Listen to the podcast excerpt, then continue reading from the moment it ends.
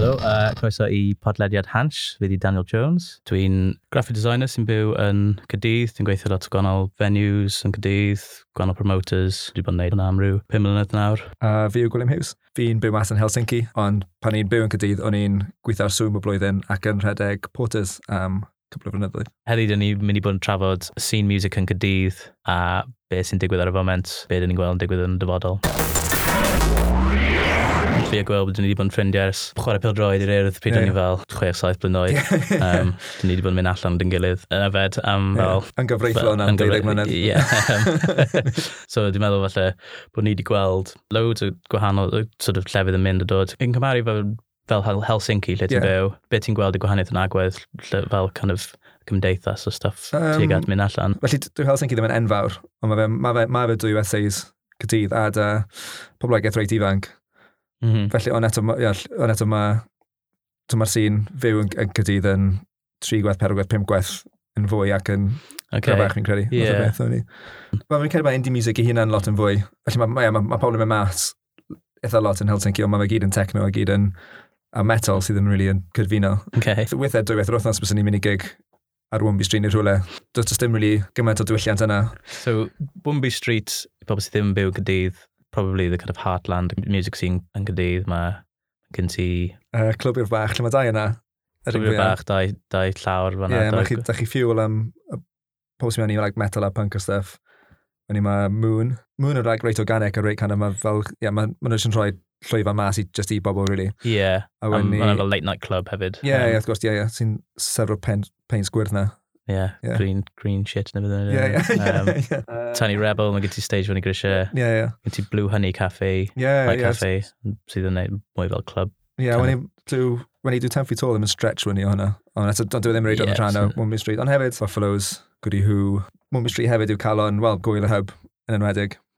Sef gwy mae'r llefyddau i gyd, a, ac hefyd llefydd eraill fel bootleg a agor llyn o lan ar gyfer music byw, felly mae'r ma yeah. stryd a llawn am yr, am yr penwythnos. Mae'r um, Gwyl Sŵn sydd wedi bod yn mynd ers 2007, yr un fath o beth, ond yn lledaenu fwy i gweddill gydydd hefyd, felly mae'r gig Sŵn wedi bod yn popeth o'r Globe ar Gate i Tramshed, i Chapter, sydd wedi gyd bellach mas i Buffaloes uh, tefi tôl yn ganol ddinas y ddau O'Neills hefyd. Yr un sort of principal a Hub Festival yeah, lle ti'n yeah. cael weekend wristband a ti'n cael, cael access i gwahanol venues os lle i gyd. Ie, yeah, yeah. mae'n teimlad gwych pa chi'n mynd mas ar Wimby Street, ond mae'n meddwl llawn pawb sydd wedi sy analog wedi bod i'r gwyl a stuff, ond maen nhw'n cael amser dech. Mae'r teimlo nawr fod yn sort of Mae definitely... Rhywfaint yn gyfrannol yn yeah. wych. A wen i'r ffrindiau chi'n neud, mae'n ma, ma, ma helpu chi deimlo'n rhan o'r cymryd, felly mae wen i mae'n ffindio just fel gig buddies a stuff lot yn haws, a just gwybod beth sy'n mynd mlaen a pryd. A... I bobl sydd ddim falle yn byw yn cydydd neu neu'n rhan o sîn. Mae'n lot o newidiadau wedi bod yn digwydd. Save Wimby Street campaign yeah, yeah. y March mawr. Lot o llefydd yn cael gwahanol resymau, ond oedd y movement mawr dechrau uh, blwyddyn diwetha, dwi'n meddwl, no, about two years ago? Dwi'n cyn okay. cyn nath Fuel dechrau gael cwynion just a yeah. bit i'r sŵn yn dod mas. Fi'n credu falle'r so, Fuel ar Wimby Street. Ie, yeah, yeah. yeah. Fletcher gyferbyn y rhai sy'n erich dros yr Armored Park. Ie, yeah, okay. Nath nhw cwbl o cwynion o fyna a wedyn ni ddim yn hir ar ôl, nath, er nath gweddill Wombi Street sort of, sort of rally o gwmpas nhw a sort of neud siŵr bod pobl yn ymwybodol, a wedyn ni ddim yn hir o'n hwnna, nath sôn y byd i Weatherspoons yn prynu, neu'n agor gwesti uwch ben y gatekeeper. O oh, yeah, okay. A'r Street Wombi wedyn ni'n dod, oce, okay, wel, os, os maen nhw yn cwyno, a mae cwynio'n dod o cwmni mawr yn erbyn, hyn o, felly dwi hyn o'r llefydd fel clwbio o'r bach sydd wedi bod na 30, 35 mlynedd neu yeah, okay. so, so hyn o'n nhw'n saff. Ti'n gwybod beth yw'r gyfraith am noise complaints gan um, ond sy'n meddwl e fel os ti'n cael noise complaint, mae'n rhaid i ti wneud rhyw fath o action yn erbyn e. Ie, yeah, be fi'n cofio o pan i'n gweithio'n cynulliad, o kind of bach fel, mae'n lefelau normal, a yna, yna pan mae amser yn dod fewn iddo hefyd kind of thing. Mm -hmm. Ond beth sy'n wahanol yng Nghymru nag yn Lloegr yw, yn Lloegr, nath y Music Venue Trust, dwi'n dwi bod chi'n adeiladu flats ar bwys lle sy'n neud music byw. Mm -hmm. Dwi'n noes, ond i boi bod nhw'n ddim yn torri sort of a, a regulation lefelau, Dwi'r mm -hmm. ffaith, to, mae'r bai yn mynd ar yr pwy bynnag nath adeiladu fflat am adeiladu okay, right. trwy'n gwybod bod to sŵn yn dod o'r lle yma. Ond yeah. hwnna'n bodoli yn uh, cyfraith uh, cynllunio uh, Cymru. Okay. A felly yna'r un o pethau nath nhw sôn am wneud newid ar ôl y stuff Wombe, ond... Save Wombe Street campaign. Yeah, yeah. Sa'n sa cael bod nhw'n actually dod o fe. Fi'n gwybod yn cymryd blwyddyn yn Agent of Change yeah, thing, yeah, okay. yeah, yeah, yeah. Os, os nhw'n adeiladu hotel, in theory, theory bys unrhyw un sy'n aros yn hotel yn gallu gwneud noise complaint. Yeah, yeah, yeah. A wedyn bys y venue yn gofod delio o hwnna yn gallu yeah, cael yeah, fine.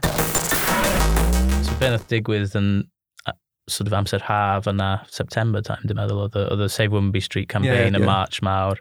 Yn diweddar mae Cadydd wedi colli dau fenyw eitha pwysig i ddau o'n ni. Um, Canton of Buffalo mynd.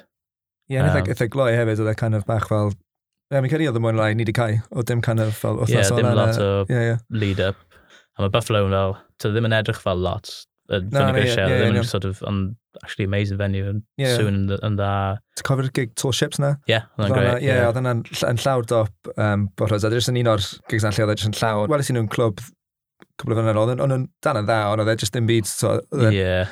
Fenni yn llawn pawb yna, jyst yn mynd yn wyll. Mad, yeah. yeah. Pan mi'n meddwl am Buffaloes, dyna'r un sy'n mm -hmm. yeah, nes i weld. Dwi'n meddwl mae Goody Who yr un, un sort of thing lle mae rhai o venues efo kind of bit of gair, fel vibe bach, bod bod na fel kind of relaxed. Ie, yeah, yn union, ie. Um, yeah. Be ni'n lygo, um, o'ch chi'n medru cael y lle am ddim mwyn i lai, hefyd bys nhw'n hapus da mm -hmm. stuff ar y bar, felly, ac os o'ch chi ddim yn medru llenwi e, neu yn neud digon, ond nhw'n charge 20 pint. Ie, yeah, okay. Sy'n cymryd like, mwyn i lai risg o rhoi stuff mlaen. Yn eto, to, yn sôn am y ti'r cam gyntaf na. Ti'n edrych ar loads o fel um, club nights, especially yn gyda yeah, hw yeah. sydd wedi dechrau yn gyda hw, pethau fel Blue Honey sydd wedi yeah, nawr troi yeah. mewn i dan nhw caffe hun ar Wumby Street a um, maen nhw'n neud loads o stuff really dda heb rhywle fel gyda hw i roi yeah, basically yeah. low risk chance i nhw roi club night ymlaen. Ie, yeah, mi'n cofyn allan nath, ti'n cofyn digwyddiad yna neith, y rhai iaith Gymraeg? Ie, yeah, ie. Yeah. Dyna allan nath, dechrau, na, na llefydd gyntaf i fi'n i neith, ac o fewn mm. yr cyfeiriaeth iaith Gymraeg yn cydydd mewn olai, dyna beth oedd yr y yeah. dron am spel. So mae Goody Who newydd cae, a i bobl sydd ddim yn really gwybod lot am, am beth sy'n digwydd fan'na. Basically, nath y lis am, mae yna tri adeilad nesaf wedi gilydd, mae dau restaurant a Goody Who ar yr yeah. un, ar yr un stryd i'r un landlord sydd sy yeah. tri. So... Mi'n cael, mae ma just fe cynlluniau er mwyn, ie, yeah, dim chwilio a just adeiladu flats neu student halls neu beth bynnag. Mae fi mo'n neud hwnna, ond oedd e ar rhyw fath o has, i felly nath e goff, nath e ddim adnewyddu lys neu yeah, bryd. Okay. Mi'n cael ei nath e rhoi fel chwe mis o sylw neu rhywbeth. Felly mi'n cael ei nawr mae yna has, mae yna siawns bydd y cyngor yn medru rhoi'r y stryd, y stryd i gyd like Guildford Crescent o dan rhyw fath o um, Fel protection kind of, yeah, thing, heritage yeah. fath o thingy, ond eto, felly nawr mae has lle mae'r landlord mwyn neud na cyn i unrhyw... Ie, yeah, so mae'n edrych fel, mae'r adeiladau mynd i bod yn wag nawr, tam mae'n basically gwerthu nhw neu, yeah, neu yeah, knocking yeah, dros, yeah. ddim lot o gall unrhyw un neud amdano fe. No, yeah. So nath ni cael Save Guildford Crescent March, loads a loads a loads o bobl yn yeah, O'n i'n gwylio ar Instagram o o'r ffindir. Oedd yeah, okay. amazing guys, da iawn. Yeah, oedd yn great. Daniel Minty nath basically um, sort your whole thing allan. I think, oh, then yeah. fantastic. Yeah, Daniel Minty. Absolute machine, yeah. yeah Single-handedly saving Cardiff. Yeah, yeah. Be oedd yn really sort of disappointing am, oedd e just fel, dim byd yn mynd i really digwydd, achos no, yeah. hyn ar ôl y support na gyd. Mae'n ymgyrchon eich fel bod nhw'n tyfu, so mae'n ma wych bod pawb yn wneud e mewn, ond so faint yn nhw sy'n mynd i ddigwydd heb unrhyw beth yn really newid cyn i pobl just sort of yeah. bron rhoi lan eto. Ie, yeah, mae four bars, fenyw bach oedd ar Ben Dempsey's y bwys castell yn gydydd. I fi oedd hwnna'n bach fel cyneri am gydydd bod, bod hwnna wedi mynd achos oedd hwnna'n hwnna Arian Brains, Brains Brewery tu ôl y lle yna. Cyfo fel oedd e, Cenon wedi gwario'r anig i lle oedd yr llwyfan a llethyr, felly oedd sort of cwrw pawn jyst yn llithro tuag at yr... oh, ie, yeah, okay, felly, yeah. Ond wedi gwario ffortiwn ar yr soundproofing a di, to, di codi llwyfan a, a popeth. Ers i hwnna mynd, dwi'n meddwl oedd hwnna'n fel step cyntaf i colli lot o llefydd llai. Dwi'n meddwl mae llefydd fel Goody Who o'r un fath o size a oedd four bars. A dwi'n meddwl dyn ni'n colli lot o... A gigs intimate, kind of. yeah, exactly. Yeah. yeah. Fel i bobl oedd yn, sef, Guildford Crescent March, lot o byn yn sôn am oedd y ffaith bod lot o bands yn cael gigs cyntaf nhw yn y llefydd ma. Oedd Minty, oedd yn rhedeg yr, uh, rhedeg y march yn dweud, cut your teeth, fel yn dweud na fel yeah, yeah, pob yeah. 10 minutes. And, um, Shout out i Minty gyda yeah, yeah, Minty'n wneud uh, gwaith amazing. Dwi'n meddwl hwnna'n peth really wir bod os ni'n colli'r llefydd fel grassroots yna, os ni'n lle, am y, am y gigs cyntaf, dwi'n pobl bands yn trio basically creu CV o venues maen nhw wedi chwarae. Um, dyn nhw methu just dechrau yn chwarae rhywle fel clwb achos yeah, just yeah, dim yeah. track record gyda nhw. So, dwi'n meddwl, hwnna'n peth really, really bach yn worrying gweld bod yn digwydd yn gydydd, bod y llefydd yna yn cael ei cael lawr. Ti'n ti meddwl taw fel bod yna problem bod pobl ddim yn mynd digon, neu? Yn cyrraedd y llefydd i hunan yn, ie, yeah, Dad Buffaloes a gyda hwn yn wedig, ddim problemau ariannol oedden nhw, fi'n gedi Buffaloes a stuff o i cwnion sŵn, er bod nhw wedi bod yn Asbron dda, wan i'r un peth, wan i gyrru hw, a ffaith bod y stryd i hunan yn cael ei dymchwel. Mm -hmm. So, mhm. ddim byd i wneud a ffaith oedd to, nhw'n colli rent na, na dim byd yeah. Dwi'n gwybod bod nhw'n cael, nhw cael cwynion sŵn kind of hotel dros y lle. Ie, yeah, ond oedd hwnna mynd mlaen am beth i blynydde hedd ffrind a fe rhedeg uh, gyda hiw. Bob hynny hyn oedd yn gofyn mynd draw i'r gwesti daf, un o'r sound recording thingies na. Okay. A bys nhw'n chwarae'r cyloedd ar lefel yn ôl, actually, yeah, dim byd angyfreithiol na, dim byd to, okay, right. yn erbyn hwn. Felly, to, e ddim yn, ddim, ta'n gebys yn rhywbeth, o dim peryg o cael license yn cael ei gymryd nôl na, dim byd. Okay. Mae Buffalo, ti'n ma, hwnna'n, mae'n mad bod Buffalo di mynd, achos oedd yeah. hwnna'n lle, yeah, just felly, venue great. Ie, yeah, ond pan o'n i'n, yn cynnath agor cwbl o fynydd cyn i ni dechrau sort of mynd mas yn cydydd. Mm. A oedd hwnna, ie, yeah, felly mae hwnna wedi bod mwy o lai yn mainstay i ni, a mae hwnna wedi... Ie. Yeah. Rhywbeth allan beth i llefydd bach mae yw, os mae llefydd bach yna'n mynd, a wedi yr unig beth sy'n rôl yw sort of llefydd, mae'n tramshed a CIA a, a, a motor point beth bynnag nawr yw, nech, dyn nhw ddim yn reidio yn rhoi mlaen digwyddiadau lle chi'n cwrdd â bobl. Felly, yeah, twn, chi beth rwy'n datblygu, byddwch chi'n lwcus iawn i datblygu'r yeah, teulu na. Dwi'n meddwl, un o pethau gorau am gydydd, mae'n lot o llefydd sy'n gallu ceitro i'r band size yna fel 200 capacity. Yeah, yeah. Ond dwi'n meddwl, o, o be dwi'n gweld, mae yna mae yna push mawr nawr i trio cael llefydd mwy. Ie, yeah, mae yna ma, rhywbeth i ddweud am, jyst un oed fel, mynd allan i smoking areas a stuff, yn yeah, llefydd, yeah. llefydd llai, lle chi'n cael, chi gyd yn sort of crammed in i'r lle yma, lle chi'n gofod, gofod siarad o bobl llefydd mawr, mae ma sort of, mae dynamic yna'n just mynd straight allan ffenest, yeah, achos chi, just ddim fel chatio gyda strangers a stuff, chi, no, chi mynd mewn grwpiau bach, mae yna plans am rhyw... Just Cardiff Arena, mae'n gyfer. Cardiff Arena, mae fel 15,000 capacity, yeah. sort of rhyw venue sy'n seis rhwng fel Tramshed, Motorpoint a y stadiwm mawr.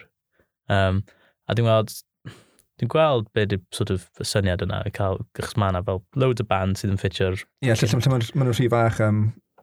Neu falle bod nhw ddim yn gwybod bod nhw'n gwneud yr motormite. Dwi'n sŵn mae motormite ddim yn wych chwaith o'r beth. Ie, ie, mae'n cac, really. Ond, um, Um, o ie, nato fe, felly, mae'r ma, ma cynghorydd bod angen teimlo bod na lle mae'r gap o'r hyn y bryd yn cydydd a sy'n to, felly, erach ar cynlluniau i, i lenwi fe. Ie, yeah, i mynd nôl am smoking areas, os mae mam yn gwrando, fi ddim yn smygu, fi jyst yn um, licor awyr fresh i tyfas.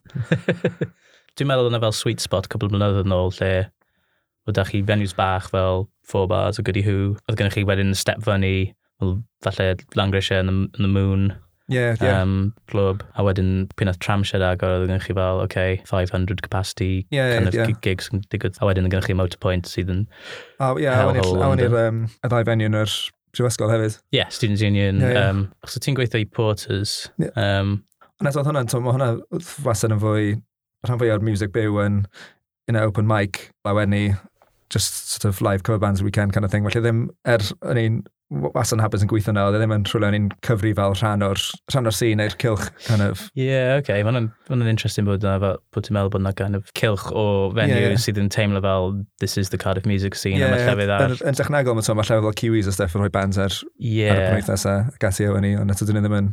Dyn ni ddim yn teimlo fel, falle'r distinction di os maen nhw'n gwneud covers neu originals, I guess. Ie, yeah, un pwynt gwahanol, maen nhw'n dialog gael ei talu eitha lot ar gyfer mm. -hmm. neud stuff lle falle un o'r pethau mwyaf sy'n wahanol yn, ond ddim rhywbeth yn gydydd yw hwn rhywbeth ym Mhryden yw bod, os, os chi'n gwneud music greiddiol, chi'n lwcus i cael hanner creu'r cwrw os chi'n chwarae eich ben eich hun i rhywbeth am chwarae. Yeah. Ar y cyfandir chi'n cael sort of, gwesti a bwyd, chi'n cael arian. Mae fe'n haws cynnal eich hunan Ond eto, mae ma lot fwy efo'n cadeirio. Felly, falle bod pryden wedi dda am jyst roed yr rhan centenarol ar ar, ar ar yr ysgol i rwy'n i. Okay, chos os ti'n trio creu band, ond ti'n yeah, trio yeah, dechrau fyny, a ti ddim yn cael talu basically ddim byd. No, yeah, yeah. um, Mae'n lot, mae'n chance masif bod ti'n mynd i basically just rhoi fyny, achos mae ma chwarae gig yn, low, especially os mae'n fel 4-5 member yn y band, chi'n trio cael pa, pa wedi gilydd, yeah, cael, yeah, yeah. wedyn, os chi ddim yn cael talu lot, yn bit y yeah, point, really. Fel, yeah, yeah, yeah. Ond mae covers bands, yn cael loads mwy arian. Ie, yeah, yeah, yeah, ban y prifdas yn cael fel like, miloedd weithiau, mae'n just fel... Mae cost y cover band yn cael ei kind of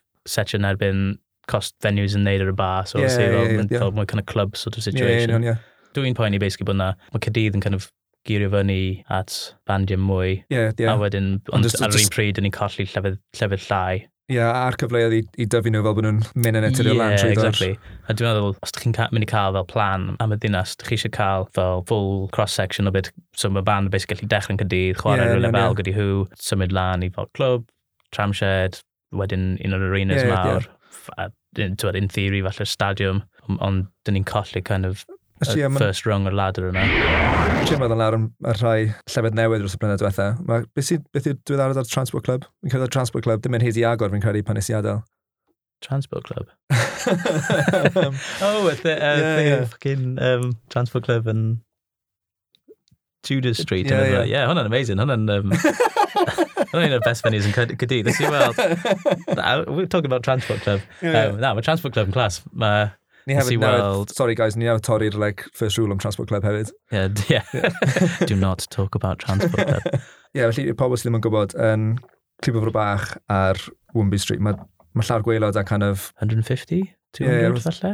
Mae lefelau bach gwahanol. Cymryd mynd i gigs lle mae un person yn chwarae da gitar, a mae ond 15 person yn gyda'r lleifau, mae'n teimlo'n reit dyn yeah. ac yn reit... Mini amphitheatre vibe, yeah, achos mae'n yeah. fel step, pobl yn gallu ar, a, sort of sefyll rownd ar elevated bach. Yeah, so, a hyn o pan mae band llawn o chwarae yma, dim byd rili really, yn gwahanu'r yeah, band o'r yeah, lleidfa, yeah. sy'n rili, really, really neis. Mae llawer ganol, fel Green Room i'r bandiau, yeah, when i'n llawr dop. 250, 300. Yeah, yeah. Well. Mae hwnna just kind of eitha normal, eitha sgwar, sy'n llwyfan sydd wedi cael ei godi. Felly mae'r clwb am gyfuno da'r adeilod dros nesaf, a felly creu llawr enfawr o'r gweilod sy'n 325 neu 350 o bobl, mm -hmm. a wedyn mae llawr ganol mynd i fod bach fel balcony rhwng y ddau, wedyn mae da chi hyd at 450 neu rhywbeth o bobl yn gwylio, a wedyn ar llawr dop, wedyn mae hwnna'n aros yn yr 200 yn eitha sgwar eitha plaen. Do, fi'n eitha licor plans, ond dwi'n poeni bach bod wnaethon nhw colli... Yr intimacy. Ie, ie, ie. Dwi'n gweld mae'r scene y band sy'n dod drwy'r gyda'idd nawr. Yeah, Dwi'n gweld loads o bands amazing. Boyzuga, Buzzard, Buzzard, Buzzard, yeah, yeah. Uh, CVC, uh, loads o gwahanol like, bands bach sydd yn neud yn rili really dda. A mae'n llefydd fel Transport Club ar Tudor Street, mae hwnna'n fel basically social club fel hyn, like yeah, old yeah, man yeah. social club lle mae together mewn a mae ma pawb yn sort of just stopio, yeah, yeah, yeah. mae'r ma bartender dal yn pourio pint, a mae'n just overflowing, pobl yn stopio chwarae pool. Um, a mae ma just fel, wedyn loads of hipsters yn cael yeah, yeah. mynd mewn i grisiau, wedyn, a mae just fel really strange lle i gweld bands, a mae'n quite, mae'n mae'n class really, really yeah, good venue. Fi'n meddwl nawr bod Four Bars Buffalo, Goody Who, dwi'n meddwl e- eto just lle mae'r ma llefydd gyntaf i'r Ie. Yeah. Yma mae llawr gwylio'r clwb yn step mawr. Lle mae yna, lle mae yeah. lle yna nawr? Full Moon, I guess? Tiny Rebel, yr... Er, yeah. Sa'n wedi bod ers i nhw sort of orffen yr gwaith na troi'r twll llenwi twll yma a troi'r llawr mewn i llawr. Ie, yeah, yn lle, just massive twll. Yeah, yeah. Um, na, mae ma Tiny Rebel di basically llenwi'r llawr fyny grisiau. Um, a roed PA system really dda, so mae'n nice. actually venue really dda, mae eitha yeah. bach, ond Um, os dim stage ddim byd, mae just, yeah, fel, yeah, just yeah. stafell, essentially, ond mae'r ma sŵn yn really dda. So dwi'n meddwl bod hwnna'n kind of, yeah, hwnna'n sort of option nawr. Mae llefydd yn cael, mae llefydd yn agor. Ie, yeah, mae wastad wedi bod fel yna. Ie, yeah, ond mae'n just fel, dyn ni angen rhyw fath o protection bod llefydd ddim yn yeah, gallu cover cae am y, am y rhesymau wrong. Os, os, os mae rhywle ddim yn neud arian, mae hwnna'n kind of, dwi'n gweld hwnna fel kind of fair enough. Ie, yeah, felly, dyn ni'n eich ar gyda yw oherwydd er bod nhw'n rhan o stryd yna. Buffalo's Head Cwnion Sŵn. Mm -hmm. um, four bars oherwydd oedd Brain sy'n newid meddwl nhw bod nhw'n moyn yeah. neud rhywbeth gwbl wahanol der um, lle na llawr dop oedd na sort of full moon llawr gweilod wedyn moon club a llawr dop nath nhw sort of fynd wedyn mae fel cymuned fath o beth sy'n rhedeg gweilod full moon nawr Beth sy'n nawr? Um, bootlegger? E? Ie, yeah, lan llawr yw bootlegger. Ond eto, mae nhw'n lle, lle, lle arall sy'n just neud like a sort of a covers fath o beth. Yn le yn ymhenni, falle bod mi'n bach o snob, ond o'n i bod chi'n like sort of creu stuff. Dwi'n reid yn teimlo bod chi'n cyfrannu at scene fath o beth. Wel, yeah, he's fucking snob. Ie, ie, neu falle, falle gymaint ar gweddill, ie, yeah, ond just... fel, dwi'n mwyn i Wimsey Street troi mewn i lle lle mae chwech fenyw i gyd jyst yn neud Wonderwall covers. Um, yeah. Wyth ar bob dydd. Um, so that, that's, falle bod yna bach yn apocalyptic, ond, you know, could happen. Apocalyptic, yeah. yeah.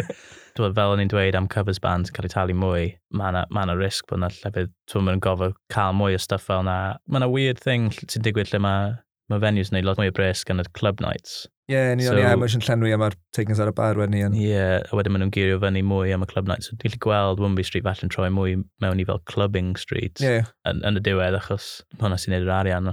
Yeah, Os y bobl ddim yn mynd i gigs. Ie, yeah, yeah, mae gen eto i lot o bobl, mae'n kind of, falle bod rhywbeth sydd wedi gweithio gymdeithas dros fel 15 gig am mlynedd rhywbeth, bod pobl ddim yn reidio yn mynd mas rhaid 6-7 o gloch nawr a yfed, mae'n mwy nawr yfed gatre yn i, so mynd mas yn... Ie, yeah, yeah, exactly. Yeah.